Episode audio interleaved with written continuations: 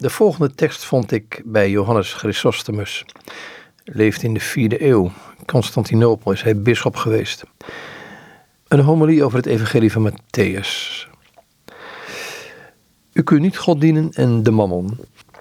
Zoals een wijze arts zijn patiënt waarschuwt voor het goede dat hij zal oosten als hij zijn raad opvolgt, en voor het gevaar van verwaarlozing, zo spoort Christus ons aan om te kiezen voor de zachtmoedigheid van zijn juk, in plaats van voor harde slavernij, om hem onze liefde te tonen, door de vergankelijke goederen te verachten. Het kwaad dat rijkdom je aandoet, zegt hij, is niet alleen dat deze je blootstelt aan de aanvallen van dieven en je geest vullen met dikke, verblindende duisternis. Het grote kwaad dat de rijkdom doet, is ons losrukken van het dienst aan Christus en ons tot slaven maken van een ongevoelige en levenloze meester. Het verbreekt de band die ons met God verbindt en ontneemt ons daardoor het goed dat het meest noodzakelijk is.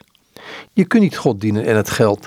Laat ons beven broeders en zusters, bij de gedachte dat wij Christus dwingen om tot ons te spreken over geld als een godheid tegengesteld aan God.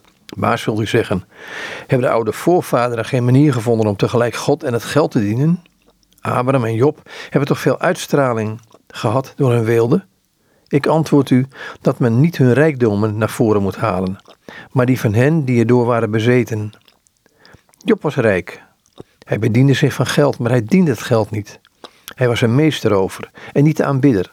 Hij beschouwde zijn bezit alsof het van een ander was. Hij zag zichzelf als de verstrekker en niet de eigenaar. Daarom was hij niet bedroefd toen hij het verloor. Aldus Johannes Chrysostomus leeft in de vierde eeuw, is priester geweest in Antiochië en daarna werd hij bisschop in Constantinopel.